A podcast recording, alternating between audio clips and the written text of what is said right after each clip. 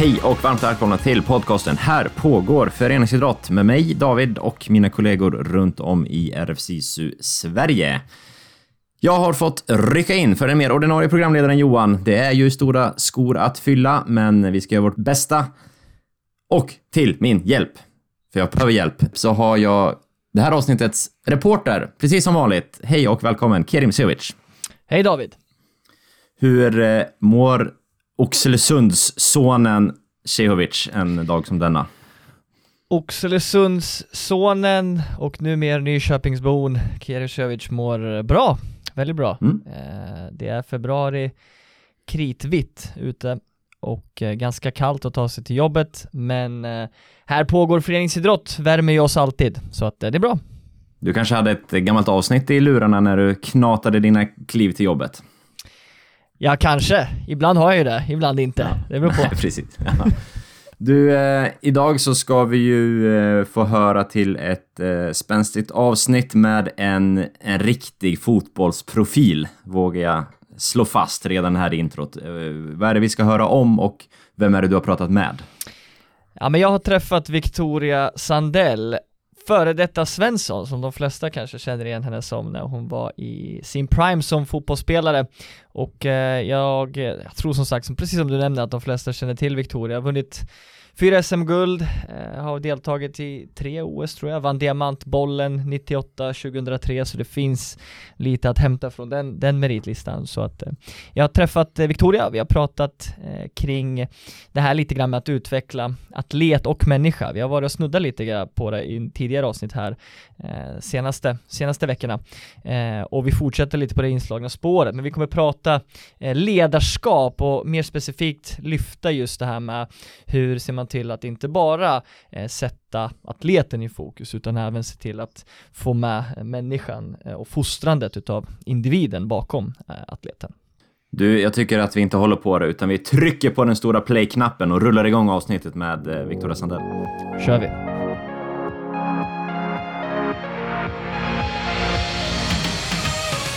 Från Farsta gård hälsar jag välkomna, varma välkomsthälsningar till dagens gäst också, Victoria Sandell, välkommen! Tack så jättemycket. Hur är läget med dig? Ja, men det är bra. Det är eh, vitt ute och, Mm. och snö igen. Det är ju så lite blandat väder nu. Det är från minus 15 till idag är det minus 4 kanske. någonstans. Och Snöstorm. ja, på fredag och i helgen skulle det bli över minus 20 så Mm. ja. Mm. Men våren nalkas, på ingång i alla fall. Den är Hoppas på vi. ingång. Ibland är planen grön och ibland är den vit då som nu. Precis. Eh, så det är lite upp och ner om man säger ska vi träna ikväll eller Mm. ska det inte vara träning? Går det träna? Jag som spelar fotboll också känner igen det där ganska Precis.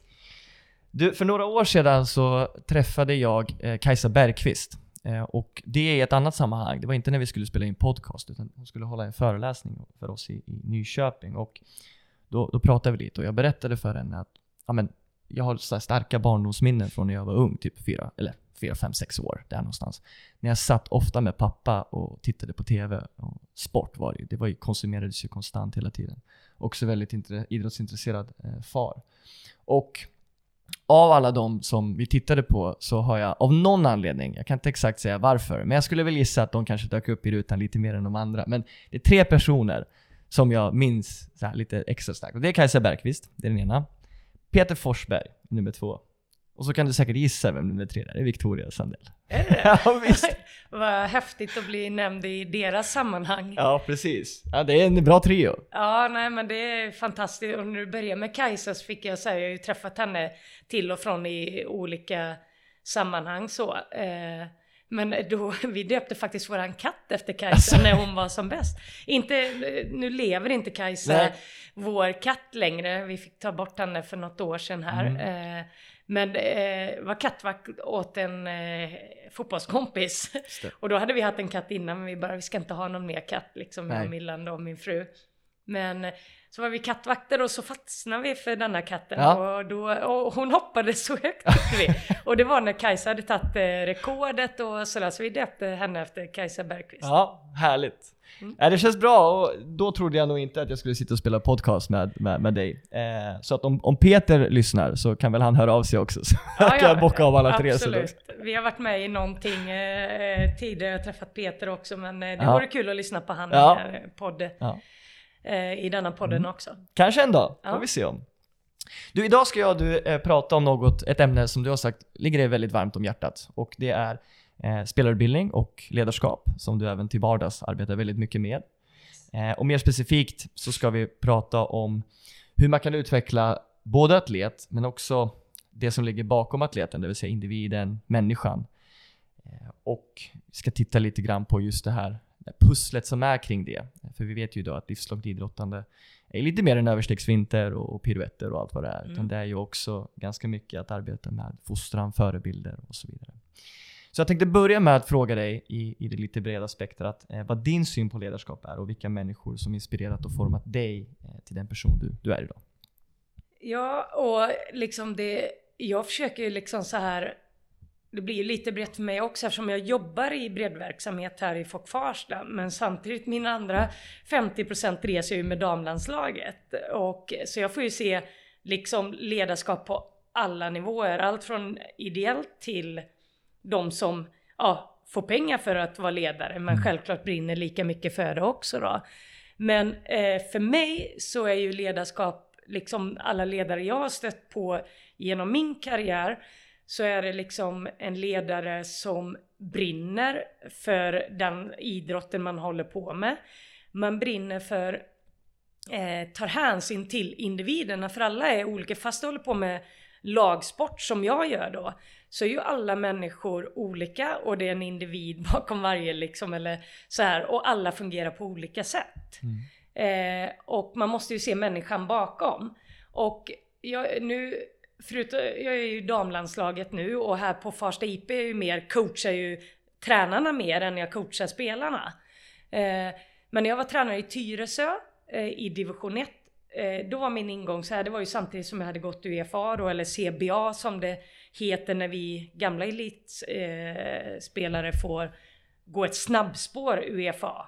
Men det är ju precis samma innehåll och samma Ja. men vi gör det på kortare tid då. Då blev ledarskapet än mer viktigt för mig. Och jag sa så här till tjejerna där liksom att du berättar precis det du vill för mig. Det du känner att jag behöver veta. Har du det jobbigt i skolan eller jobbigt hemma eller jobbigt på jobbet eller hur mår jag? Ju mer jag vet, ju lättare blir det ju för mig att förstå dig som individ när du kommer till en träning och kanske är lite nere eller Ja. Eh, och sådär då. Så jag, det, det gäller att skapa en relation med spelarna och det var ju samma ingång för mig när jag fick frågan att jobba med damlandslaget nu och eh, Peter Gerhardsson eh, ringde upp mig och frågade om jag var intresserad och så, så här att mm, varför vill du ha mig? För jag har ju gjort det, jag har rest liksom. Nu har jag familj och jag har rest över hundra dagar. Jag, inte, jag tycker inte det är häftigt att åka iväg med damlandslaget liksom bara för att få se VM, OS eller hänga med de här. Jag har gjort det. Utan jag vill vara med och bidra. Och då var det ju mycket min erfarenhet och mitt liksom att vara i den här miljön. Och vår ingång var ju att jag måste ju skapa mer relationer med de här spelarna. Med Rolf eller Blackstenius eller Kaneryd eller vem det är. En relation för att de ska kunna lita på mig då. Och det är för mig viktigt i mitt ledarskap idag. Och det är precis så jag gör. Skapa inga eh, relationer med tränarna och ledarna här då. Framförallt först och främst så att de känner att de har en tillit till mig. Då tror jag man det blir svårt i ledarskapet. Just det. Så det, det är nummer, kanske nummer ett för mig, att skapa en relation och en trovärdighet.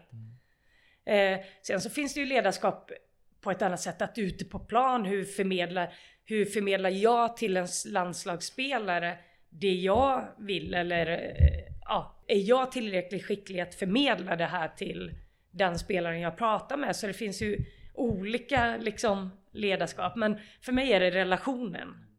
Nu blir det ett jättelångt svar här, Ja, men, men det är jag bra. Vi för- ger oss många ingång, ja. ingångsvinklar här nu. För att spinna vidare på det då, du har ju haft en, en väldigt gedigen landslagskarriär, klubbkarriär och så vidare. Eh, hur upplever du att du har förändrats mycket i just det du benämner nu? Eh, nu, nu tar du spåret tränare väldigt mycket, men upplever du att ledarskapet har förändrats mycket från att du var spelaren Victoria till att idag vara sportchefen Victoria och landslags...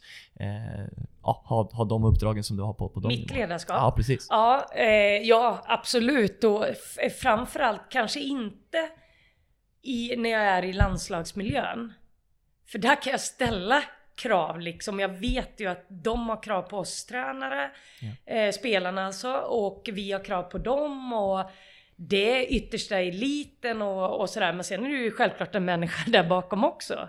Så, men eh, om vi går tillbaks här i Fock Farsta så har ju liksom det är ju skillnad på nivåer och kravställningar för vad kan jag ställa för krav på mina ideella ledare här? Just det. Men sen samtidigt för mig är det jätteviktigt att om du går in i en ledarroll här som en ideell ledare så väljer du att göra det. Jag är helt medveten om att man gör det för att eh, i de flesta fallen att man har ett barn som spelar i föreningen. Vi har ju vissa som inte har det då.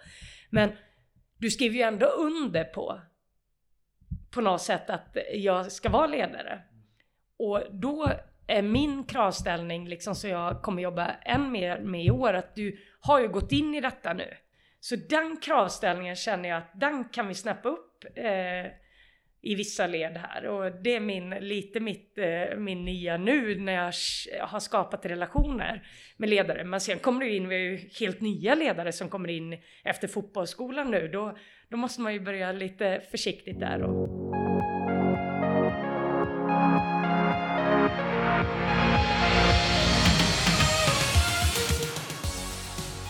Idag är det ju väldigt mycket på tapeten att prata om just eh, trygga, hållbara, utvecklande miljöer. Och vi berör det nu under samtalet här i inledningen hela tiden. Eh, vad känner du är det viktigaste att priorite- prioritera och fokusera på för att just nå de värdena? Det vill säga att skapa en så utvecklande och eh, stimulerande miljö och trygg miljö som möjligt för era medlemmar, men kanske i synnerhet era barn och ungdomar. Mm. Och det är som du säger trygghet och, och för oss är det ju, vi är en förening med en väldigt stark värdegrund. Men vi är, eh, fotbollen är ju eh, prio liksom. Ja. Men för oss är det självklart att alla ska följa vår värdegrund. Eh, sen har vi ju eh, fotbollen och sen har vi vår sociala verksamhet. Vi har en inomhushall här, eller som vi kan ordna. Varje lördag så är det över 100 ungdomar där inne och spelar turnering. Eh, och detta är ju, det är ju klart det kan vara spelare från föreningen, men i största del är det killar eh, som kanske hade varit i centrum eller någon annanstans Ja. och gjort eh, hemska saker. Och vi har ju varit med om hemska saker. Det var en skjutning för drygt ett år sedan där en gammal medlem för oss blev skjuten liksom i Farsta centrum. Så det har vi ihop med vår stadsdel, men det är våra tre ben liksom. Ja. fotbollen är liksom vi är här för de flesta medlemmar, det är ju fotbollen liksom. Precis. Sen finns det en liten då del eh, i det andra då. Men det är våra, eh, och där liksom att vi försöker skapa en trygghet runt fotbollen. Att det ska vara tryggt att komma till oss. Och då har vi ju personer i hallen som kan det här liksom. Och likadant kommer man ner till våran fotbollsplan och våran, eh, alltså bedriv, vår vanliga verksamhet eller vår verksamhet. Så ska vi ha ledare som vet liksom vad vi står bakom som förening och om det händer någonting gör vi och, och så vidare då. Så att barnen känner sig trygga. Inom föreningsliv idag så ser vi ju att trenden pekar lite neråt. Det är många som fortsatt slutar och har gjort det under, under många år. Och särskilt hårt blev det ju såklart under pandemin då framförallt väldigt många tonåringar eh, slutade. Eh, nu, nu ser vi en, ett, ett litet ljus bakom krönet, liksom att, att det börjar repa sig. Eh, men vi har fortsatt en lång väg att gå inom svenskt idrottsliv. Sen vet vi att barn och ungdomar slutar generellt av väldigt många olika anledningar. Men jag tror att precis som du är inne på, att mycket grundar sig och både börjar och slutar i, i ledarskapet som, som finns. Och här tycker jag att det finns två parametrar egentligen som jag tänker på. Det ena är att eh, Svensk idrottsrörelse och då Riksidrottsförbundet med dess eh, specialidrottsförbund och distriktsidrottsförbund har som ansvar att hela tiden möjliggöra, tillgängliggöra och se till att ledarskapets frågor och kompetensutvecklande eh, aktiviteter eh, är attraktiva för föreningar att kunna delta eh, på.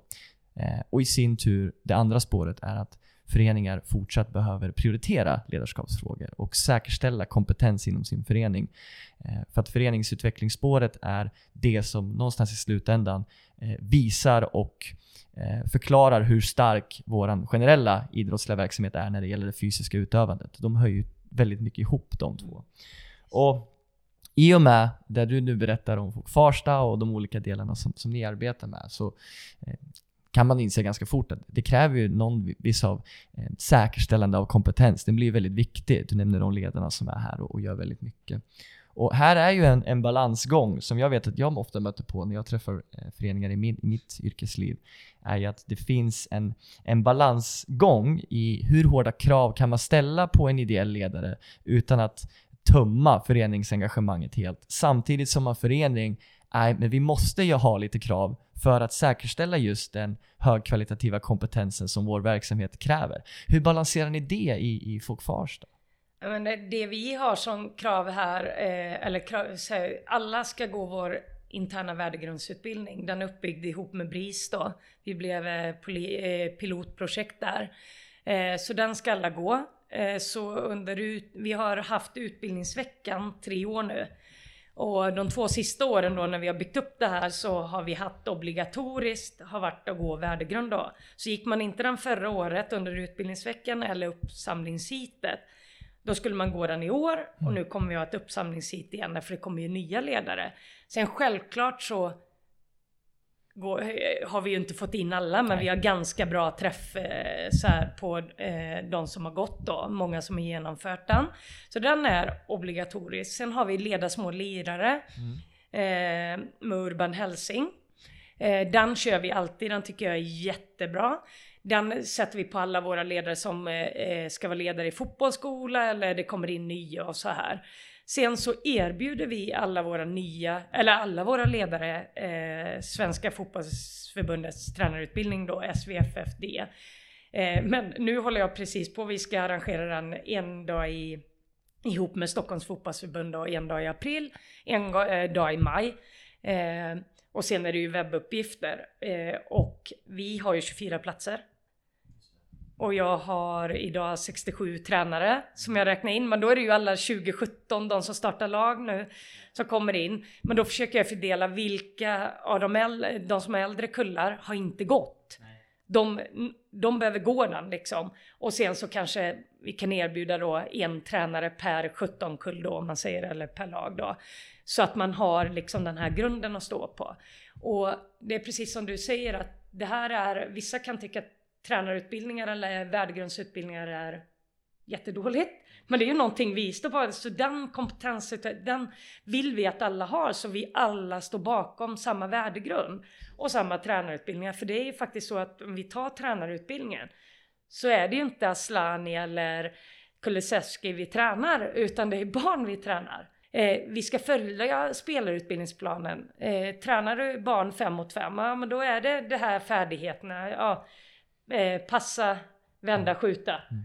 Och i 5 mot 5 kommer enda laggrejen in, det är spelbarhet. I 7 mot 7 kommer alla färdigheter in och alla fotbollens skeden i spelet. Men det är ju inte så att de ska lära sig det på en vecka eller ett år. Du spelar 7 mot 7 i tre år liksom.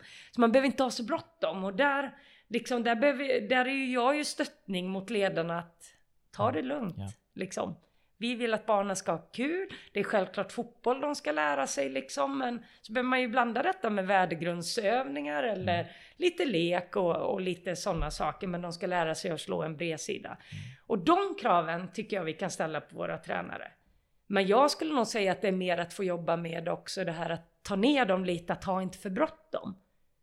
Vi kör den här med våra fotbollsskoleledare eller de som ska bilda lag efter för att få in mer tjejer också att kan du arrangera ett barnkalas så kan du hålla i en fotbollsträning för barn. Mm. För vi kommer ge dig de utbildningarna du behöver. Ja. Där har vi också en utmaning att gå. Eh, I stor majoritet män inom, inom... Så jag vet inte om det var, men liksom, ah. om det var svar. Men det är liksom, de har vi en utbildningsvecka där vi erbjuder måndag till fredag olika, allt från värdegrund. I år var våran obligatoriska matchmiljön där vi hade Suhel från domarutvecklare på Stockholms fotbollsförbund som kom och pratade om matchmiljön, klimatet som finns, som inte är så bra. Liksom, vad kan vi göra för att förebygga? Eh, det var våran obligatoriska träff denna veckan och sen hade vi praktik och så hade vi ledarsmålirare. Och det är klart att du kan inte vara med på allt. Det kravet kan jag inte ha men då försöker jag styra liksom, den här dagen, det är prio, det är dag två och det är dag ja, tre om du, du kan eh, köra mer än en kväll i veckan då.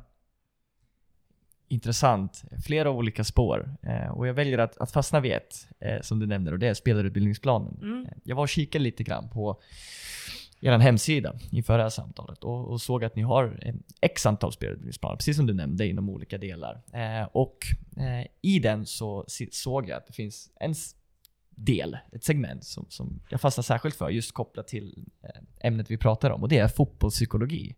Berätta lite om hur ni arbetar med det, vad det betyder. Det är egentligen vår, man kan säga nu har vi jobbat med detta i, är det fjärde året vi går in i. Det gäller, vi har ju egentligen kopierat Svenska fotbollsförbundet. Den är, den är bra liksom, så vi har ju egentligen jo, jobbar ju med den. Ja. Att eh, det är ju det vi försöker liksom och det, det tar ju, det, det är tufft att ta fram det är ju inte så, liksom pappret Nej, finns ju, det finns. Sen ska jag få ledarna att följa och jobba detta. Mm. Men jag tycker att vi, jag har hyfsat koll på att de, de, alla följer spelarutbildningsplanen. Mm. De får ju liksom övningar kopplade till det här också då. Eh, men sen så kommer vi till fotbollsfysen och fotbollspsykologin. Eh, det är det som är nästa steg om man säger då.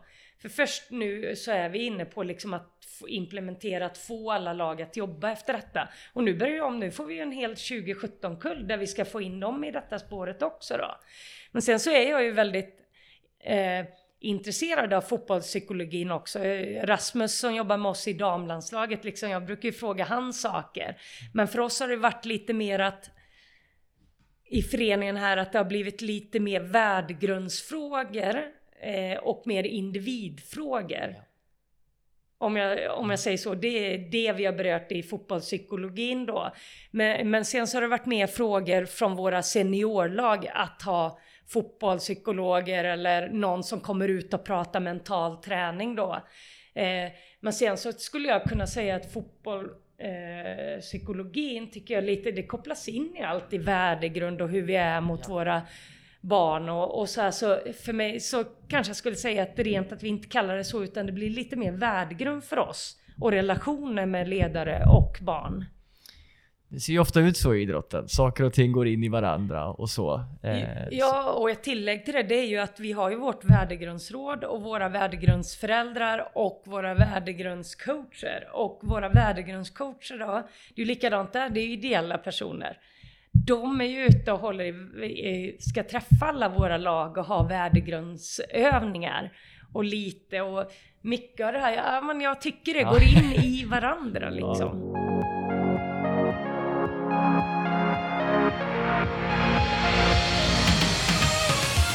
Eh, vi, ska, vi ska ta det här lite till landning då. Eh, och vi har berört många olika delar, pratat mycket atlet och vi ska prata nu lite grann också, så som du spinn på slutet här, kopplat till individen och hur vi utvecklar och fostrar människan. Här känner jag fortsatt att idrotten har en liten utmaning och, och en liten väg att, att gå. Och förstå mig rätt, idrotten ska göra det idrotten är bra på. Och det har vi inne på också, alltså fysiskt utöva det, den givna idrotten som är. Eh, för, för det är det vi ska göra. Vi ska fysiskt röra på oss. Men, men vi ska också med där jobba med de mjuka värdena, är min ingångspunkt. För att idrotten är ju inte bara en plats för fysisk aktivitet, utan också en institution för, för lärande. Det är där vi bygger någonstans samhällsmedborgare eh, för framtiden. Eh, och här är ju då just det här med att försöka få upp på tapeten att arbeta mycket med utbildning, alltså teambildande aktiviteter och prioritera formandet av sociala relationer och gemenskap och liksom känslan av samhörighet och allt det här idrotten ger. Men också eh, ge möjligheter till individer att utforska sitt föreningsengagemang i ett brett spektra. Ska jag bara behöva vara tränare? Ska jag bara behöva vara aktiv? Ska jag bara behöva vara i kiosken? Det finns så mycket mm. mm. brett där inom, inom idrotten.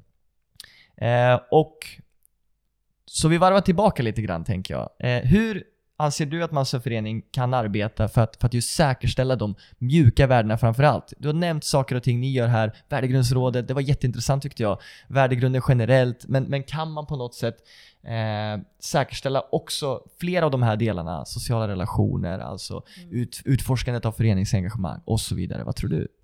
Men, eh, nej, men jag ser ju det som otroligt viktigt, därför mår du inte bra vid sidan av planen, då presterar du inte på planen.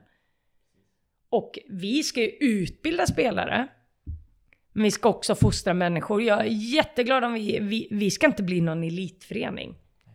Men jag ska fostra, är det så att eh, vi hade en tjej eh, som gick till en akademi förra året som jag hjälpte dit. Liksom hon, hon var för bra för våra F09. Hon spelade med P09. Och nu så diskuterar jag och hennes föräldrar fram och tillbaka. Liksom hon saknade att spela med, med tjejer. Det var två år sedan.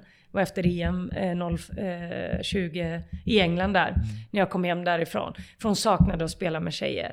Och vi kan inte erbjuda miljön. Då stoppar vi ju inte henne. Då hjälper vi ju henne till en annan förening. Ja.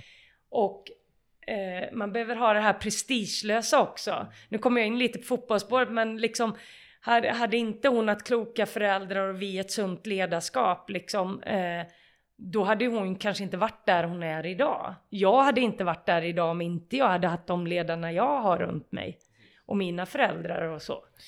Jag fastnar ofta där. Jag, jag, brukar ofta tänka tillbaka till sin egen ja, barndom och bakgrund och mm. vad som har fostrat en själv. Och, och, för mig så, olika institutioner, man pratar ofta om föräldrar, skola, eh, föreningsliv. Mm. Eh, och skolan var en plats där man lärde sig mycket kring ja, framförallt kanske hur samhället fungerar och historiska perspektiv och eh, saker och ting som är bra för att, för att kunna och förstå strukturer och så vidare och så vidare i, i, i världen.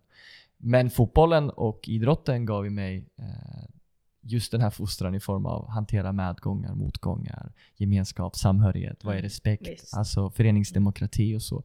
Och de värdena är ju, om inte än mer viktiga än de första kanske i, i vissa sammanhang. Så att Därför tycker jag den här frågan är så viktig mm. och jag vet att många föreningar försöker prioritera det här och, och har vissa mindre, mer eller mindre olika utmaningar liksom i, i den frågan. Men till en föreningsmänniska eh, som lyssnar på detta avsnitt, för det har vi många av, av de lyssnarna, eh, och som vill engagera sig mer i frågan om att utveckla eller ta fram en, en spelarutbildningsplan, lik ni har gjort exempelvis. Vad, vad är ditt bästa tips om vart man startar? Men om du ska ta fram en spelarutbildningsplan eller vad det är, liksom det är ju lätt, ja men tryck ut fotbollsförbundet så här är han liksom. Men så här, du, för att få med alla så, eh, mitt tips är att man startar i stor grupp liksom, att alla ska få tycka till. Mm. Eh, och sen kan man ju arbetsgrupper i dem liksom, men sen så behöver man ju tratta ner liksom, men du behöver ju om jag står där och dominerar och säger så här ska det vara och inte bjuder in till någon dialog eller någonting, då tror jag det blir svårt att sälja in detta till ledare. Ja. Eh, att följa, utan jag, jag, tror på det här att, att jobba tillsammans, ta fram det tillsammans. Sen kan vi inte ha hundra stycken som tycker till om allt. Nej, precis. Men jag tror det kan vara bra att starta liksom i och berätta att nu börjar det här arbetet och sen så får man skapa arbetsgrupper och sen så ska det ju självklart att du ska med styrelsen ska vara eh, eh, insatta i det. Eh, så de vet vad vi gör liksom. Eh, nu har vi en jätteaktiv och bra styrelse. Mm. Och sen då liksom eh, få ut detta och vara tydliga. Jag tror, jag tror på en tydlighet och en prestigelöshet liksom. Mm. Då ja. tror jag man kommer långt. Involvering, inkludering. Precis. kommer man ganska långt med i ja, precis. Victoria Sandell, tack för din tid. Tack så mycket för att jag fick vara med.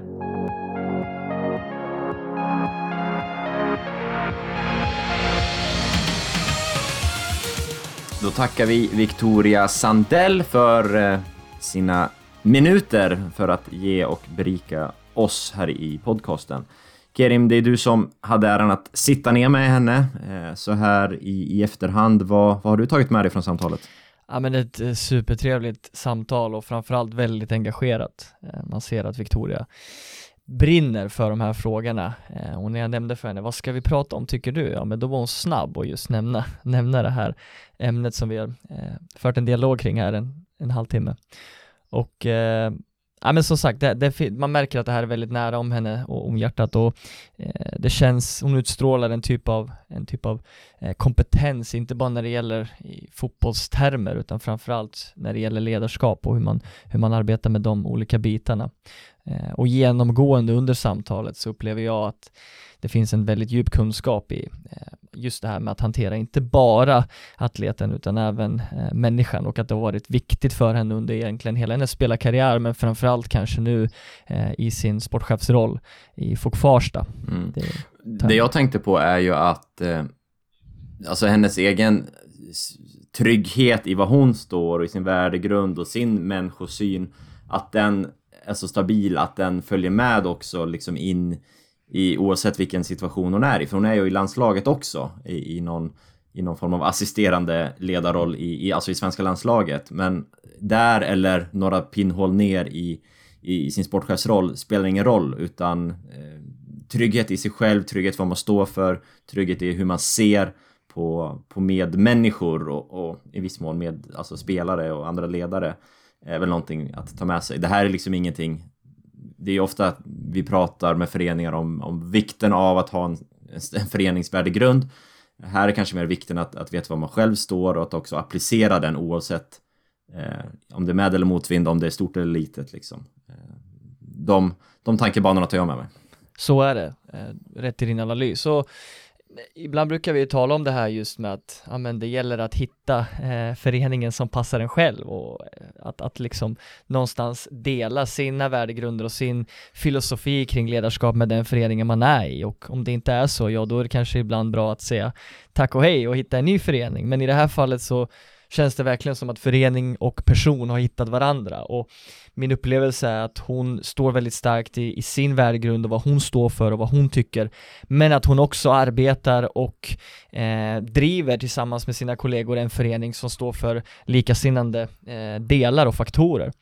Och, och, min känsla är verkligen att, att Fok Farsta gör mer än bara driver fotboll utan att det snarare är ett verktyg för att framförallt såklart ta fram atleter men också jobba väldigt mycket med människor och det ser man kanske inte minst i form av deras olika typer av eh, insatser de gör för att främja eh, samhället de, de verkar i och når ut till mest i sin närhet.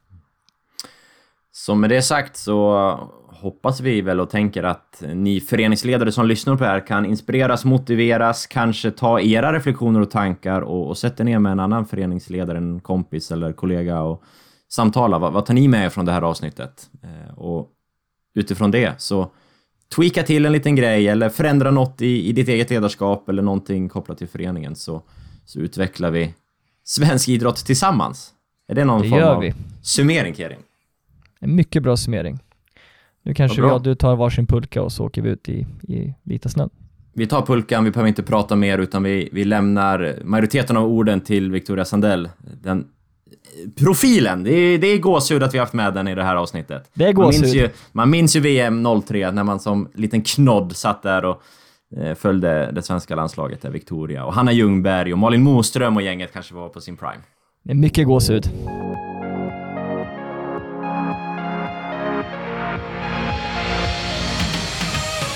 Du har lyssnat på ett avsnitt ur podcasten Här pågår föreningsidrott som görs av RF SISU. Vill du komma i kontakt med oss som gör podden kan du göra det via vår eh, mejladress som är podd rfsisu.se podd rfsisu.se eller via vårt Instagramkonto där vi heter precis som podden Här pågår föreningsidrott i ett ord. Hör gärna av dig om du har frågor eller synpunkter. Vi hörs igen nästa avsnitt.